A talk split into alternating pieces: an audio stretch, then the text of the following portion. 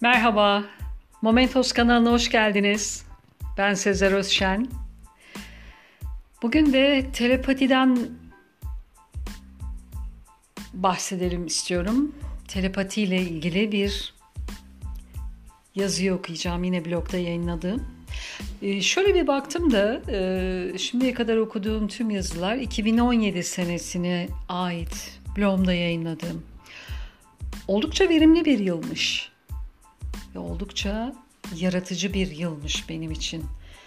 Şimdi bunlardan beslenerek kendime yol açmaya çalışıyorum. İki kişinin konuşması. Telepati. Kahretsin. Şu telefon yan çizecek zamanı buldu. Ne dedim? Kahretsin dedim. Telefonun ses düğmesi bozuldu. E, e biri aradığında sesi az duyuyorum. Ne yapmayı düşünüyorsun? Garantisi bitmiş, servisi nerede onu araştırıyorum. İyi işte bir adım atmışsın. Hem düşünsene bundan 25 sene önce telefon mu vardı?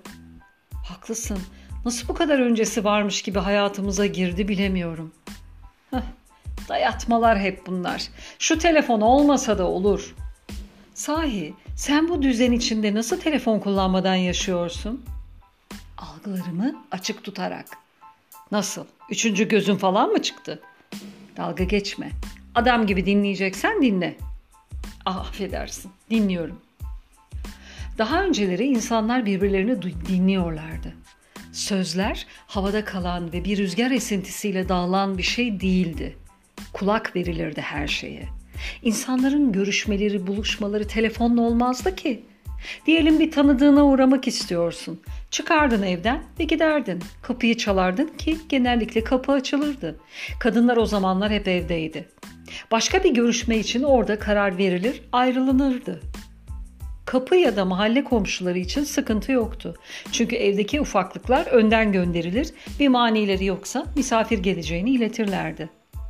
Arkadaşlar bir sonraki toplantıyı o görüşme içerisinde kararlaştırırdı. O saat ve gün belirlenen yerde beklerdi insanlar. O zamanlardan bu zamanlara geldik. Göya herkesin elinde şahsa özel iletişim aracı.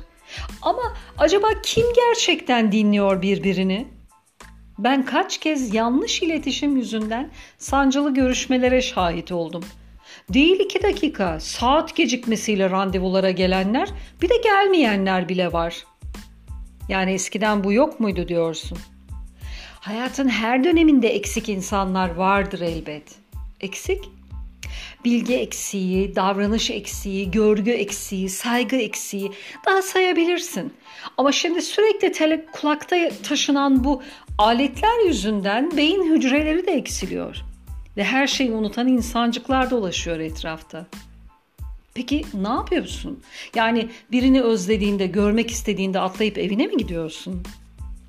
Eğer sokağa çıkmışsam elbette ya iş yerine ya da evine uğrarım.